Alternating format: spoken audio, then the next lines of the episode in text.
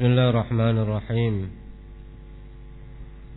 السلام عليكم ورحمة الله وبركاته.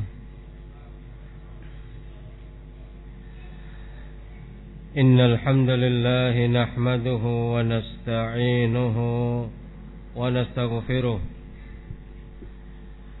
ونعوذ بالله من شرور أنفسنا وسيئات أعمالنا. من يهده الله فلا مضل له ومن يضلل فلا هادي له. أشهد أن لا إله إلا الله وحده لا شريك له وأشهد أن محمدا عبده ورسوله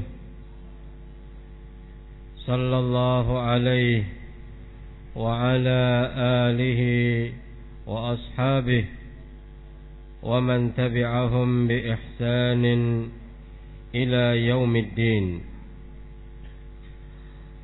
أما بعد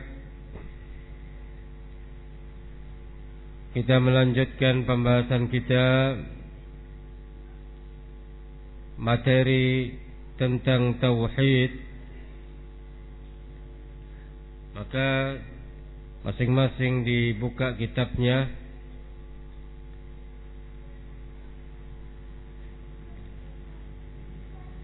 Perlu diketahui bagi yang baru pertama mengikuti kajian ini bahwa materi yang kita bahas pada Ahad malam Senin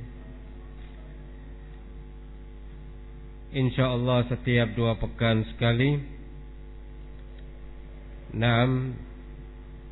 Atau bisa dikata pada pekan kedua dan keempat Adalah pembahasan tentang Tauhid. Dan kita Membahas dari kitab Karya Syekhul Islam Ibn Taymiyah Syekhul Islam Muhammad ibn Abdul Wahhab rahmatullahi alaihi yang judulnya adalah Kitab Tauhid. Yang dari situ kemudian disyarah. Disyarah artinya diberikan penjelasan keterangan oleh para ulama. Tentunya yang datang berikutnya. Yang juga sezaman dengan kita. Nah, karena karya para ulama yang mutaqaddimin yang dahulu mereka sebutkan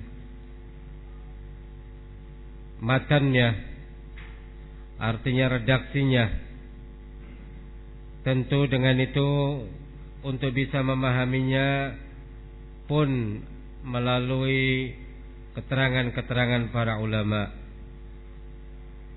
Sehingga jalurnya Ahlu sunnah wal jamaah Di dalam mengambil ilmu tadi aman Penjelasan dari para ulama Yang para ulama tadi memahami dari apa yang disebutkan oleh para ulama yang datang sebelumnya. Demikianlah penukilan ilmu pada prinsip ahli sunnati wal jamaah. Maka dengan itu syarah dari kitab tauhid padanya sekian syarah yang ada kita mengambil salah satunya yang kita jadikan acuan adalah syarahnya Syekh Muhammad Ibnu Saleh Al-Utsaimin atau yang dikenal dengan Syekh Utsaimin rahimahullah. Beliau berikan judul adalah Al-Qaulul Mufid Al-qaulul mufid. Al-qaul artinya ucapan atau perkataan al-mufid adalah yang bermanfaat. Ala kitab tauhid terhadap kitab at-tauhid. Karya Syekhul Islam Muhammad ibn Abdul Wahab rahimahullah. Demikian judul secara lengkapnya. Al-Qaulul Mufid ala kitab tauhid padanya mukaddimah sudah kita bahas dan kita sudah memasuki bab yang pertama dari kitab ini yang berjudul bab haqqullahi 'alal ibad wa haqqul ibadi 'ala Allah. Bab yang terkait dengan haqqullah haknya Allah 'alal ibad kepada terhadap hambanya wa haqqul ibad dan haknya hamba Sebaliknya haknya hamba Allah terhadap Allah. Masing-masing dari keduanya memiliki hak. Allah sebagai Al-Khaliq, sebagai Rabb, kita memiliki hak. Demikian pula hak hamba. Hamba juga memiliki hak terhadap Allah Jalla wa'ala. Apa kira-kira? haknya Allah untuk kita bisa mengetahui jawabannya secara singkat sebelum kita lebih lanjut membahasnya. Apa haknya Allah terhadap hamba? Diibadahi, ditauhidkan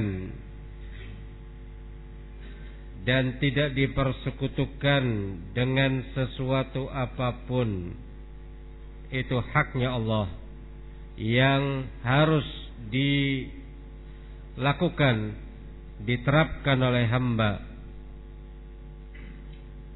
Wa haqqul ibad sementara hamba memiliki hak terhadap Allah. Apa haknya hamba? Allah tidak menyiksa hamba ketika hamba tadi dalam keadaan bertauhid hamba memiliki hak bahwa selama hamba tadi berjalan di dalam hidupnya di atas tauhid yang benar tidak ternodai dengan kesyirikan apa pun yang besar ataupun yang kecil maka sebagai jaminan keselamatan untuk aman di sisi Allah di akhirat nanti dia tidak mendapatkan siksa dari Allah karena hamba telah melaksanakan telah melaksanakan kewajiban yang semestinya apa yang Allah telah perintahkan. Nam, bab haqqullahi 'alal ibad wa haqqul ibadi 'ala. Maka penulis atau muallif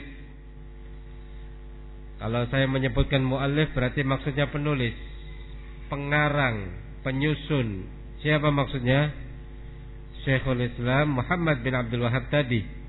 Nah, selalu membawakan bab demi bab dari bab ini sampai bab berikutnya selalu dengan dalil. Nah, nah, baik dari ayat Al-Quran maupun dari hadis Nabi Sallallahu Alaihi Wasallam.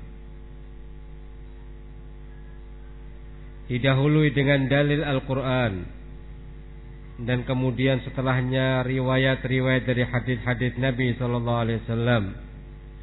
Maka pada bab ini padanya lima dalil dari Al-Qur'an. Yang pertama surat Az-Zariyat, "Wa ma khalaqtul jinna wal insa illa liya'budun."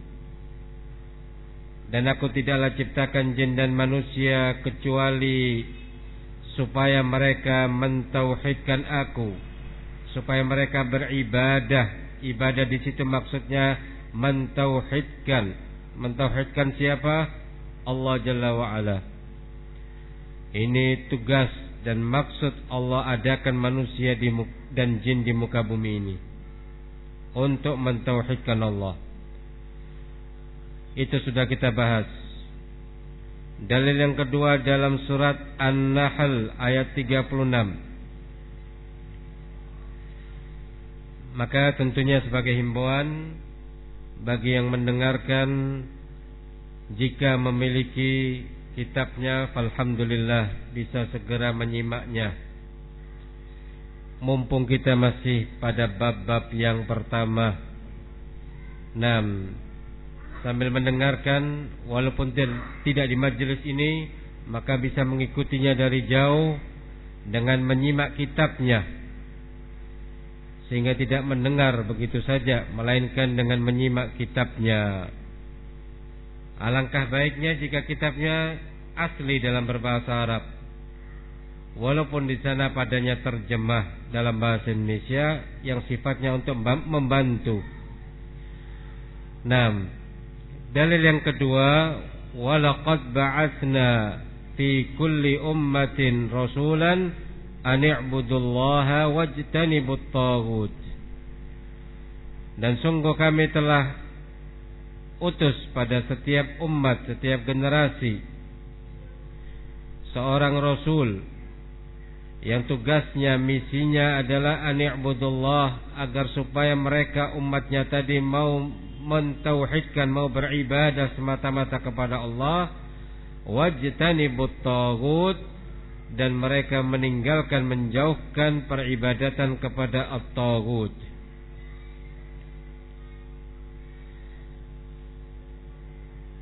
dan kita sedang pada pembahasan dalil yang kedua ini. Kita baru setengahnya kita bahas pada surat An-Nahl ke-36 ini. Maka sebelum kita melanjutkan mengulas secara singkat tentang ayat ini walaqad ba'atsna laqad maknanya dan sungguh-sungguh bentuk kata penguat seandainya ayat Allah tidak ada penguatnya niscaya pasti benarnya hak setiap firman Allah apalagi ketika ditambah penguat. Semacam walaqad atau qad.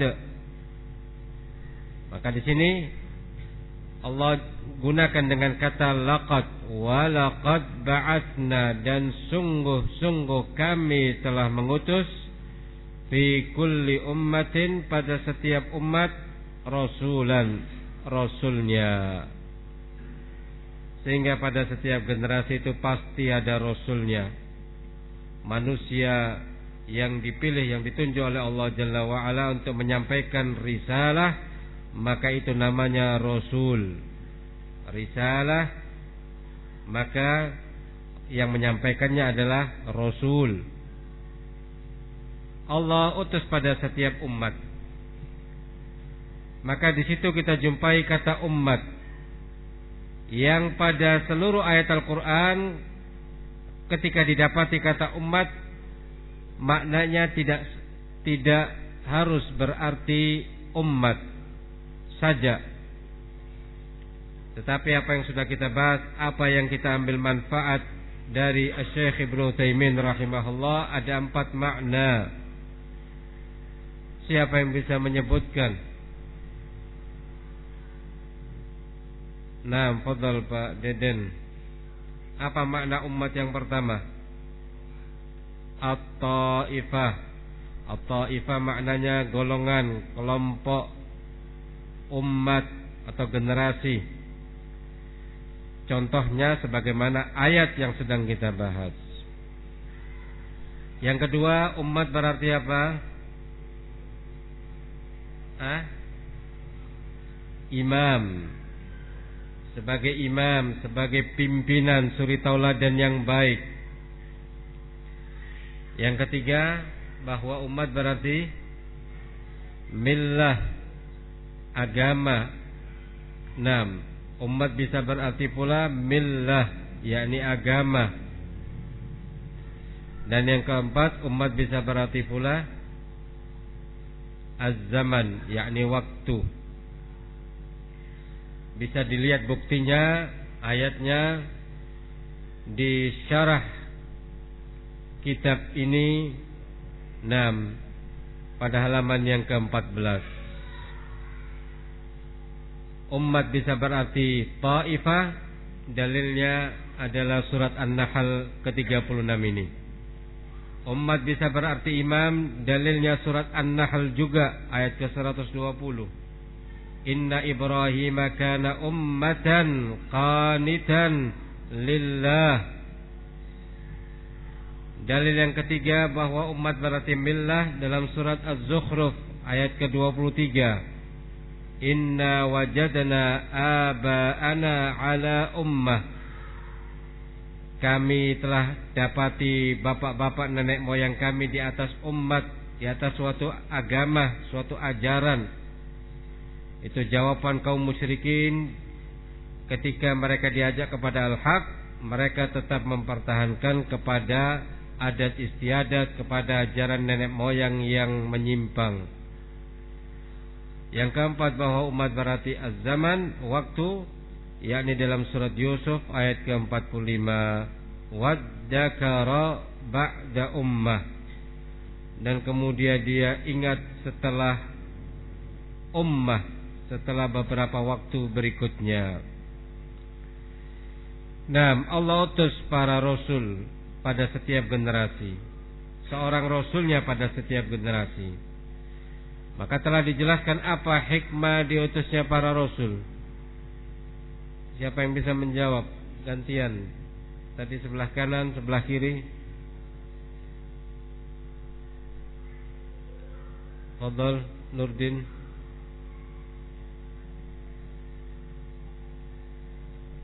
Bara Hah? Menerangkan jalan untuk uh, bagaimana beribadah kepada Allah yang benar. Nah, itu yang ketiga.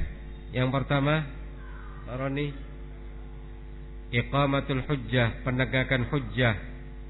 Nah, supaya nanti tidak ada alasan lagi di akhirat bahwa dia tersesat, orang itu tersesat karena dia katakan tidak diutusnya Rasul pada pada kami.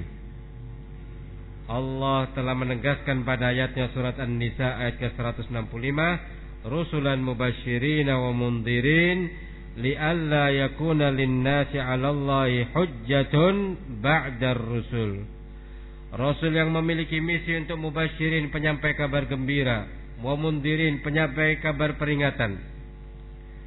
Li alla yakuna linnas supaya nanti manusia kelak Allah ketika berhadapan dengan Allah hujjatun ba'dar rusul.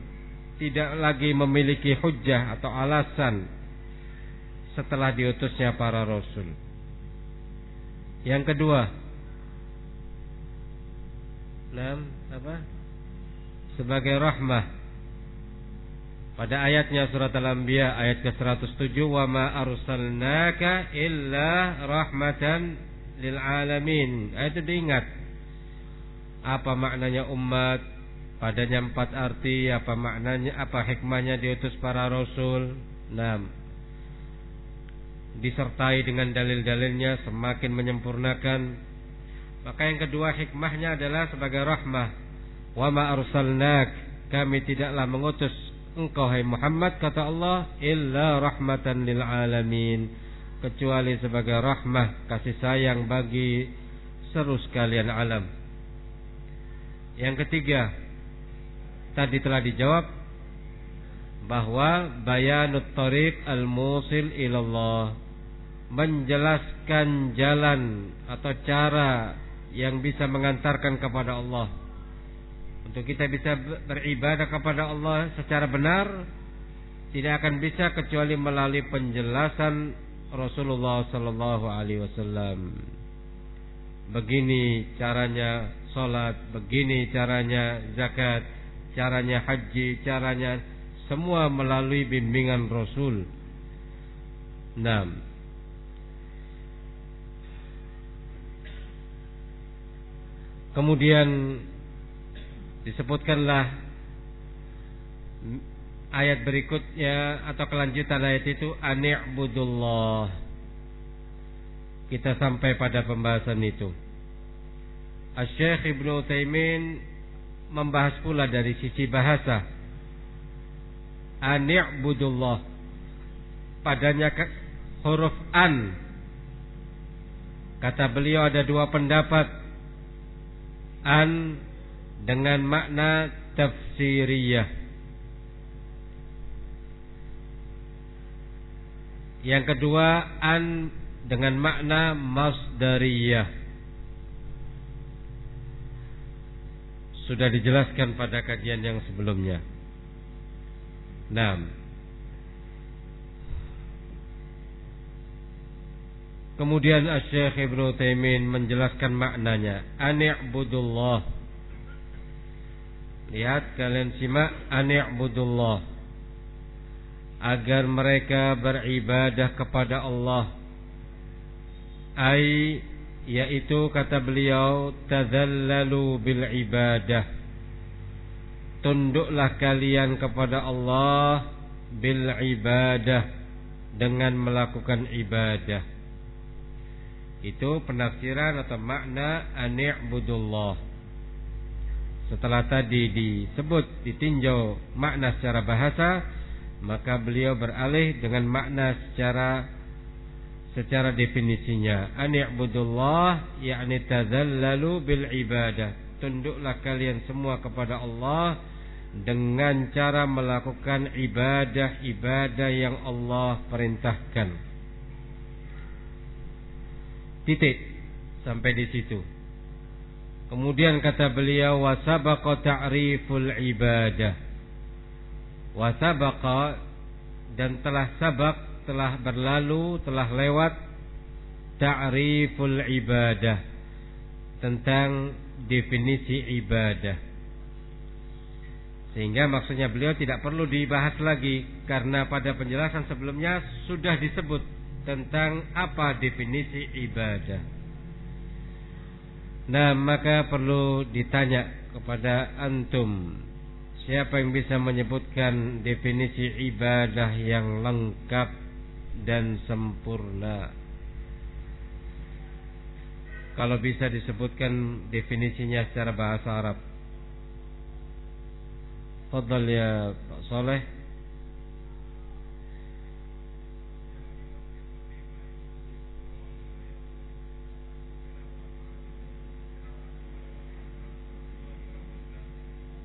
Baik, ahsanta barakallahu fiik. Ismun jami'un. Suatu nama yang mencakup. Likulli ma yuhibbuhullah wa yarda. Terhadap setiap apa yang Allah cintai dan Allah ridhai minal aqwali wal af'al baik berupa al-aqwal, perkataan, ucapan, wal af'al ataupun bentuk perbuatan, amalan, aktivitas ad-dhahirah wal batinah. Baik yang sifatnya zahirah, tampak, terlihat, terang, baik itu perkataan tadi ataupun perbuatan tadi wal batinah maupun bersifat batin. Batin itu tersembunyi, tersimpan. Tidak ada yang tahu kecuali hanya antara dirinya dengan Allah. Baik bentuk perkataan maupun bentuk perbuatan tadi. Sehingga dengan definisi ini apa yang tercakup padanya maka itulah ibadah. Sehingga dengan definisi tadi makna ibadah adalah luas sekaligus dihafal Nam ismun jami'un likulli ma yuhibbuhullah wa yarda minal aqwali wal af'al adh-dhahirah wal batinah Definisi ini adalah dari apa yang disebutkan Syekhul Islam Ibn Taimiyah rahimahullah. Baik, kita lanjutkan. Bahwa misi para rasul adalah ani'budullah. Memerintahkan untuk bertauhid intinya. maka di sisi lain juga mempunyai misi wajdani tagut agar mereka kaumnya meninggalkan. Ijtanibu mereka meninggalkan at-tagut peribadatan kepada tagut kata Syekh Ibnu Taimin maknanya ibta'idu anhu. Jauhi oleh kalian darinya dari tagut bi an takunu fi janib wa huwa fi janib di mana kalian dalam satu sisi dalam satu sisi wa huwa fi janib sementara tagut dari sisi yang berlawanan. Karena kalian bertauhid maka kalian tentu berada pada satu sisi di atas kebenaran, di atas al-haq sementara togut singkirkan jauhkan oleh kalian pada sisi yang berlawanan karena itu bentuk penyimpangan dari tauhid. Naam, ibta'idu anhu bi an takunu fi janib wa huwa fi janib. Demikian penafsiran dari beliau. Maka beliau lebih lanjut menjelaskan makna at-taghut. Apa taghut itu? Kata beliau mustaqun minat tughyan. Mustaqun kata pecahan. Minat tughyan dari kata asalnya at-tughyan wahwa sifatun musyabbahah. Yang itu merupakan jenis sifat musyabbahah ini dari sisi bahasa sifat yang menyerupai. Apa maksudnya? Tentu dalam pembahasan nahwu. Nah yang jelas itu merupakan sifat yang namanya musyabbahah. Wat Sementara tughyan atau togut itu tadi maknanya adalah mujawazatul haddi. Mujawazah itu artinya melampaui, menerjang. Al-had artinya batas. Batasnya seharusnya begini, sekian, kemudian dilampaui. Maka itu dalam bahasa namanya tagut. Nah, kama fi qaulihi ta'ala sebagaimana firman Allah taala Beliau hendak memahamkan makna mujawazatil had, makna melampaui batas itu bagaimana? Dicontohkan dengan ayat supaya para talabatul ilm kaum muslimin faham. Contoh pada surat Al-Haqqah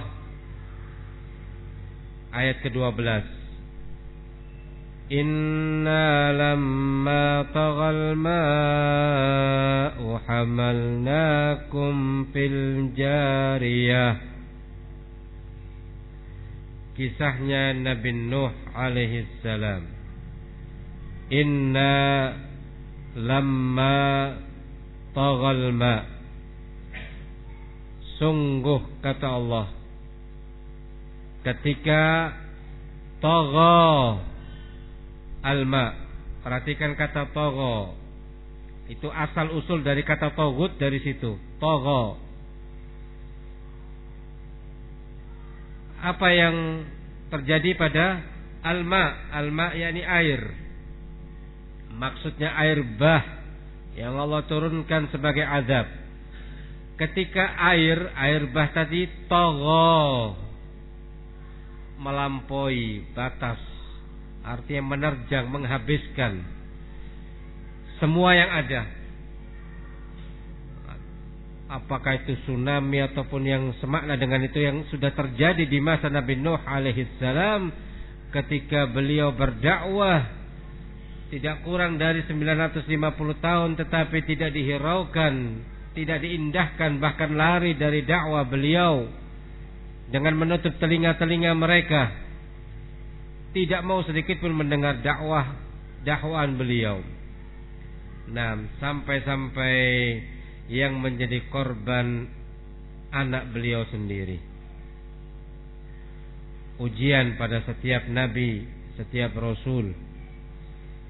Nah, justru yang menyimpang di antara yang menyimpang dari darahnya, dari yang terkait dengan hubungan darahnya, anaknya sendiri, putranya. Nah, ketika disampaikan akan diturunkan azab, maka anaknya membantah bahwa kami akan bisa menyelamatkan diri dengan naik ke pohon supaya tidak terkena air tersebut. Nah, maka kita perhatikan atau bukti dari ayat ini kata togo. Apa togo? Yakni melampaui batas. Ketika air tadi telah meng, apa meninggi, meninggi, ombaknya ke atas akan menghabiskan untuk siap akan menghabiskan apa yang ada hamalnakum kami bawa kami angkut kalian Nabi Nuh bersama keluarganya kecuali putranya tadi dan orang-orang yang beriman fil jariyah di dalam perahu bahtera yang sudah dipersiapkan untuk bikin sebelumnya. Nabi Nuh bikin perahu dicemooh oleh kaumnya. Nah, ada apa? Tidak ada angin, tidak ada air, kemudian bikin perahu yang besar. Nah, yang perahu itu padahal adalah safinatun najat. Safinah itu bahtera perahu an-najat yakni keselamatan. Siapa yang ingin selamat dia akan dia masuk di dalam perahu tadi. Nah, justru siapa yang tidak mau ikut dakwah beliau akan dihabisi dengan azab Allah Jalla wa ala. Maka kata Syekh Ibnu Utsaimin, tajawaz haddahu. Tagha yakni tajawaz haddahu melampaui batas. Anginnya apa ombaknya begitu tinggi. Kalau ombak masih biasa-biasa saja tidak dikatakan tagha. Tapi karena ombaknya kuat tinggi maka dikatakan tagha dalam bahasa. Wa ajma'a ma qila fi ta'rifi dan yang paling sempurna dari apa yang bisa dikatakan fi ta'rifi terkait dengan definisi definisinya definisi tauhid wa huwa ma dzakarahu Ibnu Qayyim rahimahullah. Adalah apa yang telah disebutkan oleh al-Imam Ibnu Qayyim al-Jauziyah salah satu dari murid Syekhul Islam Ibn Taimiyah dan beliau Ibnu Qayyim merupakan syekh atau gurunya Ibnu Katsir rahimahullah wa rahimahumullahu jami'an. Maka mengacu dengan definisi dari Ibnu Qayyim untuk bisa tahu apa makna at-taghut. Bi'annahu maknanya ma tajawaza bihil abdu haddahu yakni apa yang dilampaui oleh hamba batasnya. Apa yang diterjang oleh hamba dari batas yang semestinya.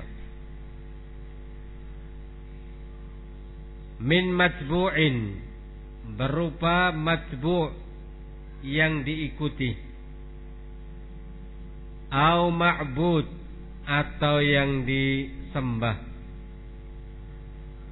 Au muta' atau berupa yang ditaati. Sudah antum kasih tanda itu. Sehingga kalau ditanya apa tauhid?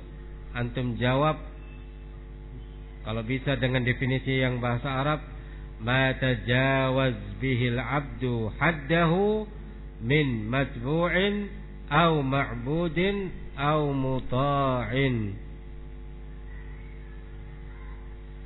Wa wa muraduhu man kana radiyan bidalik.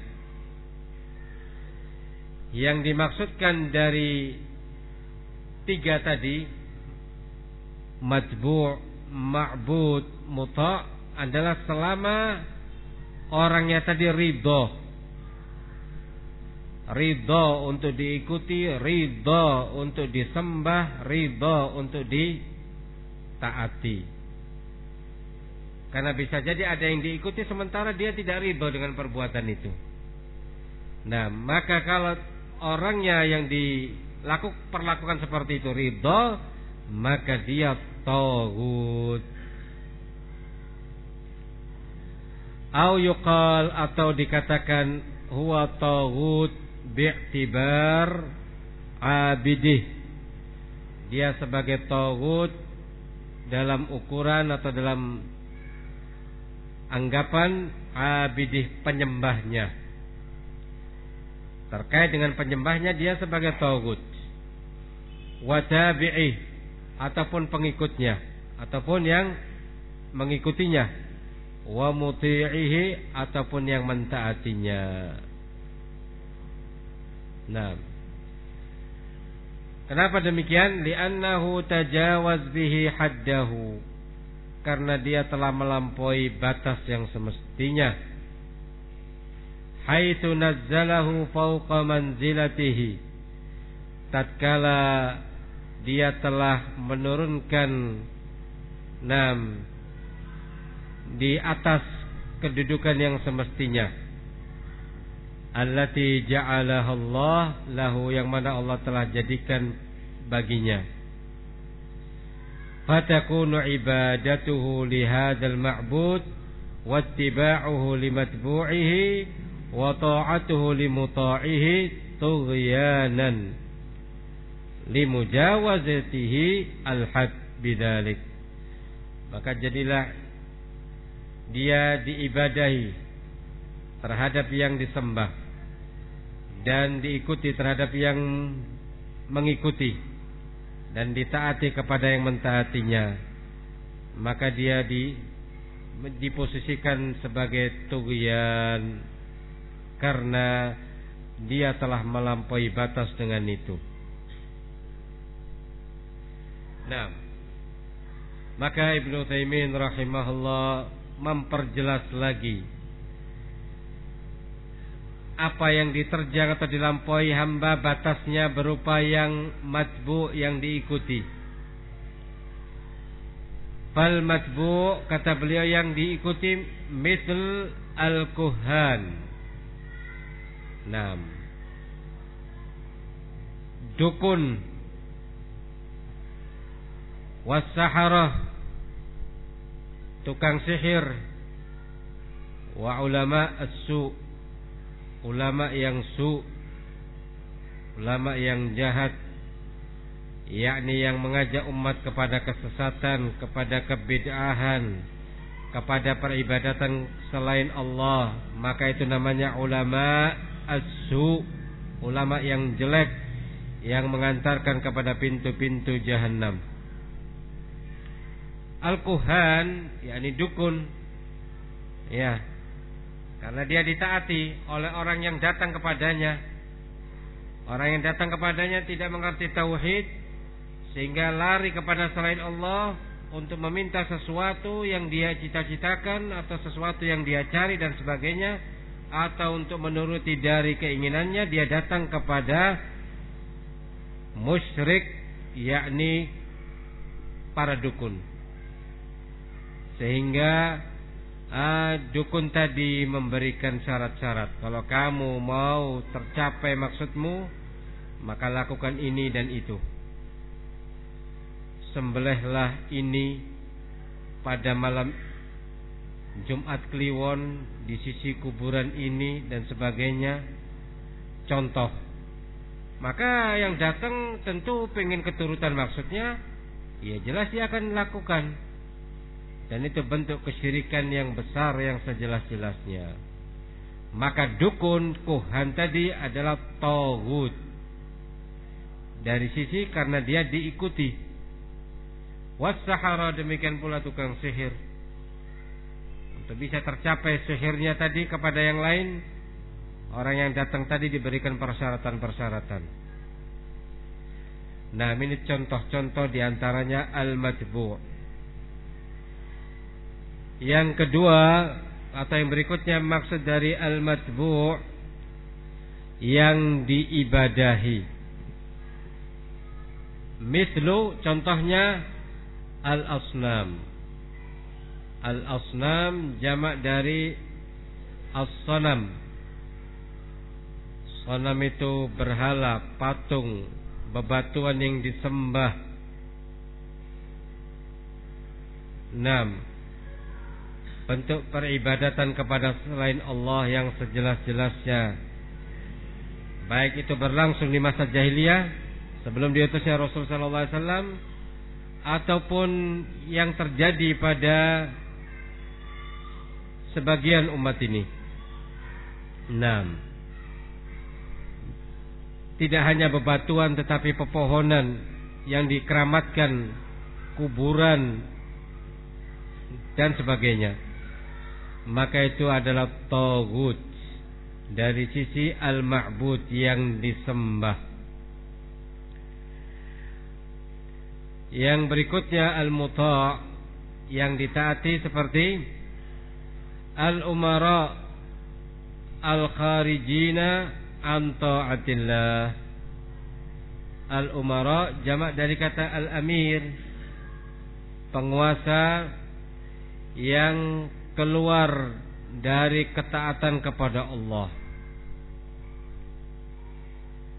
Kita diperintah untuk taat kepada umara, kepada waliul amr, kepada penguasa. Dan itu prinsip Islam, prinsip ahli sunnah wal jamaah berdasarkan ayat Allah wa ati'ur rasul wa ulil amri minkum taatlah kepada Allah dan taatlah kepada Rasul dan kepada ulil amri di situ pada ulil amri tidak disebut wa ati'u ulil amri. Kenapa? Karena ketaatan kepada waliul amr hanya dalam perkara yang ma'ruf saja. Apabila dalam perkara dosa, perkara kemungkaran, ke, kepada ke, perkara kemaksiatan maka tidak boleh ditaati. Akan tetapi bukan berarti bukan berarti kemudian memberontak atau keluar dari loyalitasnya. Nah, sedangkan ketaatan kepada Allah adalah suatu hal yang mutlak, tidak bisa ditawar. Wa ati'ur rasul Ketaatan kepada Rasul juga demikian. Sedangkan pada kalimat wa ulil amri tidak Allah sebut dengan kalimat wa ati'u ulil amr. Sehingga dengan itu bahwa ketika mentaati kepada waliul amr di dalam perkara dosa itu sampai bisa mengantarkannya kepada sesuatu yang ditaati kepada selain Allah. Nah, karena hadis menyebutkan la ta'ata li makhluqin fi maksiatil khaliq. Tidaklah boleh diletakkan ketaatan kepada tidak ada ketaatan di dalam bermaksiat kepada Allah Subhanahu wa taala. Baik itu adalah penguasa ataupun orang tua kita ataupun siapa pun dari manusia ini. Karena karena ketaatan hanya diperuntukkan kepada Allah Jalla wa ala dan kepada Rasulnya. Nah, Faida ittakhadahum al-insan arbaban yuhillu ma harramallahu min ajli tahlilihim lahu أو wa yuharrimu ma ahallallahu min ajli tahrimihim lahu فهؤلاء tawagid maka apabila seseorang menjadikan mereka tadi baik matbu ma'bud muta' arbaban sebagai sesembahan selain Allah yang mana yuhillu ma harram Allah menghalalkan apa yang telah Allah haramkan. Min ajli tahlilihim lahu dalam rangka untuk mendapatkan penghalalan mereka. Nam, merubah apa yang telah Allah tetapkan, Allah mengharamkan kemudian dia mengharamkannya. Wa yuharrimu ma ahallallah dan mengharamkan apa yang telah Allah halalkan min ajli tahrimihim lahu dalam rangka untuk mengharamkan apa yang telah mereka inginkan fahaulai tawagid maka mereka itu jadilah sebagai tawud jamaknya tawagid wal fa'il tabi'un lit tawud dan pelakunya mengikuti terhadap tawud. Disebutkan dalam ayat surat An-Nisa ayat ke-51, Alam tara ilal ladina utu nasiban minal kitabi yu'minuna bil jibti wat tawud. Tidakkah kalian lihat, kalian perhatikan ilal ladina utu nasiban minal kitab terhadap orang-orang yang telah Allah berikan bagian dari kitab. Yu'minuna bil jibti wa. Justru mereka beriman, mereka percaya kepada al-jibti wa taghut, kepada syaitan dan kepada para taghut. 6. Ini semua bentuk memalingkan ibadah kepada selain Allah. Yang mana kaitannya dengan bab bahwa Allah mempunyai hak terhadap hamba semata-mata untuk diibadahi. Ketika hamba tadi memalingkannya, maka dia telah terjerumus kepada perbuatan dosa yang sebesar-besarnya. Itulah apa yang bisa kita bahas pada kesempatan malam hari ini. Semoga Allah jadikan sebagai ilmu yang bermanfaat. Nah, waktu Isya sudah masuk. Apabila yang disampaikan tadi ada benarnya semata-mata datang dari sisi Allah Jalla wa ala dan apabila ada kesalahan semata-mata kelemahan diri saya pribadi. Wallahu taala a'lam. Wa sallallahu wasallam ala nabiyyina Muhammad wa ala alihi wa sahbihi wasallam. Walhamdulillahi rabbil alamin. Wassalamualaikum warahmatullahi wabarakatuh.